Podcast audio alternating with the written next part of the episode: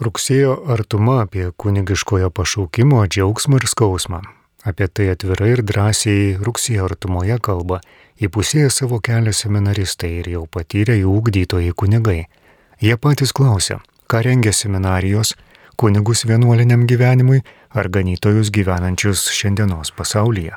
Tad kas vyrus paskatina rinktis kunigystę, kas padeda nesusviruoti, net skandalams netylant ir Lietuvos ir visuotinėje bažnyčioje Galima sakyti, kad daugelis tekstų šioje artumoje apie pašaukimą į kunigystę yra begrimo ir tai kuria realybės jausmą bei artumą.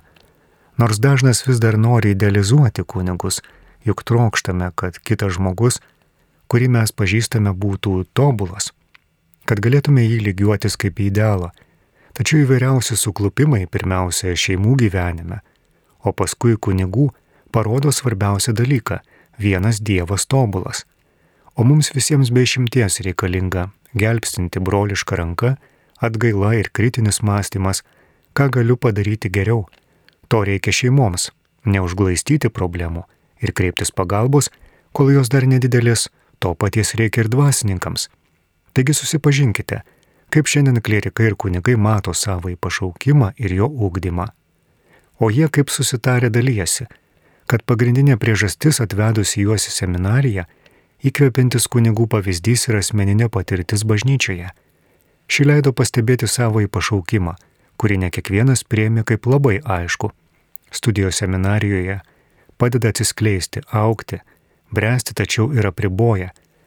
Seminaristai savo, kad dalis apribojimų nenaudingi, nes gyvenimas seminarijoje visai kitoks nei parapijoje.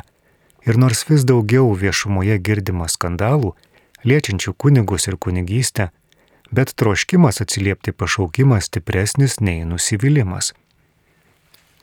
Jaunuolis tikrai neturėtų bijoti ateiti į kunigų seminariją, nes pajutęs širdyje kitą pašaukimą gali išeiti bet kurią dieną.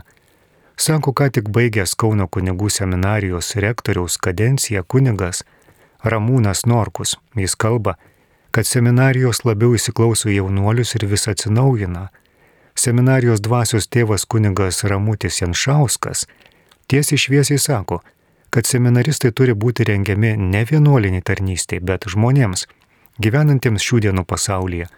Kunigas atvirai svarsto, kokia sistema seminarijoje geriau paruoštų vyrus kunigystėj parapijose, nes ko ne visi kunigai gali paliudyti, kad ateimas tarnauti po seminarijos parapiją yra didelis iššūkis Kunigas Rastislavas Dluchė, misionierius redemptoristas, tarnaujantis Lietuvoje ir buvęs ilgametis savo vienolyjos seminarijos prefektas teigia, kad šiais laikais ugdant klierikus gerokai daugiau dėmesio būtina skirti žmogiškajam ugdymui. Nors kunigas gali būti išsilavinęs, besimeldžiantis, tačiau visiškai nemokėti prisartinti prie žmonių. Jo nuomonė nereikia bijoti, į seminaristų ugdymą įtraukti daugiau subrendusių pasauliečių bei praplėsti ugdymo erdvę už seminarijos ribų. Jaunam žmogui svarbu suvokti, kad jis yra pašauktas kaip vienas iš tikinčiųjų, esantis tarp jų ir dėl jų. Kunigų pasidalymą apie pašaukimą, seminarijas ir ugdymą skaitykite rugsėjo artumoje. Dovanai gavote, dovanai duokite, primena kunigams popiežius Pranciškus. Už ką jis dėkoja jiems ir dėl kokių pavojų įspėja, kodėl prarandamas uolumas tarnauti ir troškimas rūpinti žmonėmis. Visas popiežiaus laiškas Romos kunigams alsuoja nuo širdžių broliškumu atjaučiant kunigų sunkioje kasdienėje tarnystėje, kai nesimato darbo vaisių, kai lydi nuovargis ir perspėja, kad kunigiškoji tarnystė nėra matuojama pastoraciniais laimėjimais, darbo įkarščiu ir sklandžia ir efektyvia dienotvarkė. Popiežius sako, kad pagrindinis tarnystės matmuo yra artimas santykis su Kristumi Kaip ir visas laiškas, taip ir pati jo pabaiga atskleidžia tėvišką meilę. Priešais salius populį romanį paveikslą meldžiausi už jūs. Prašiau mergelės Marijos jūs saugoti ir globoti, išdžiovinti slapčiai išlietas jūsų ašaras, atgaivinti jumise tarnystės džiaugsmą ir padaryti jūs kasdien Jėzų mylinčiais ganytojais, pasirengusiais besaiko atiduoti savo gyvenimą iš meilės jam.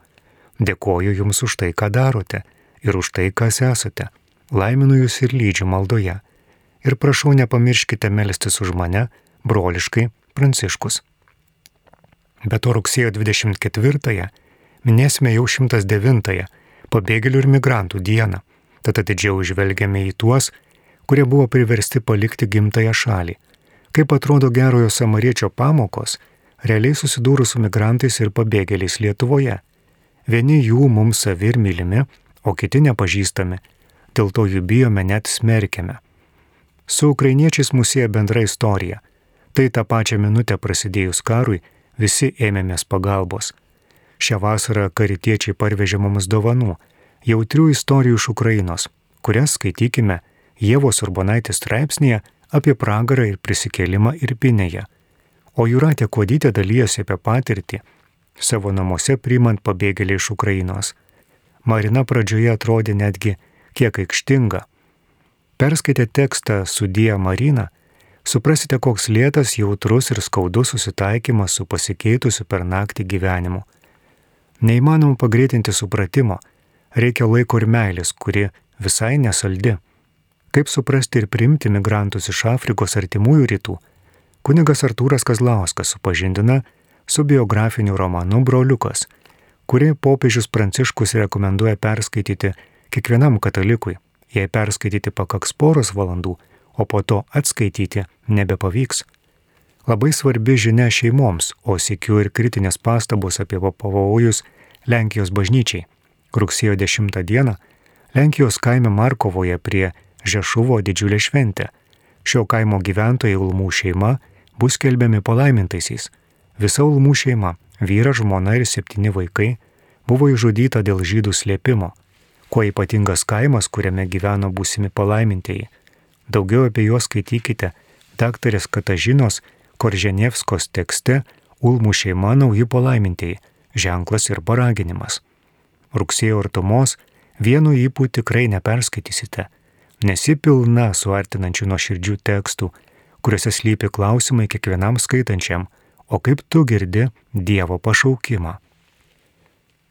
Apžvalga parengė laikraščio žurnalo Artumo redakcija, Violeta Vitkauskinė, perskaitė Andrius Sakalauskas.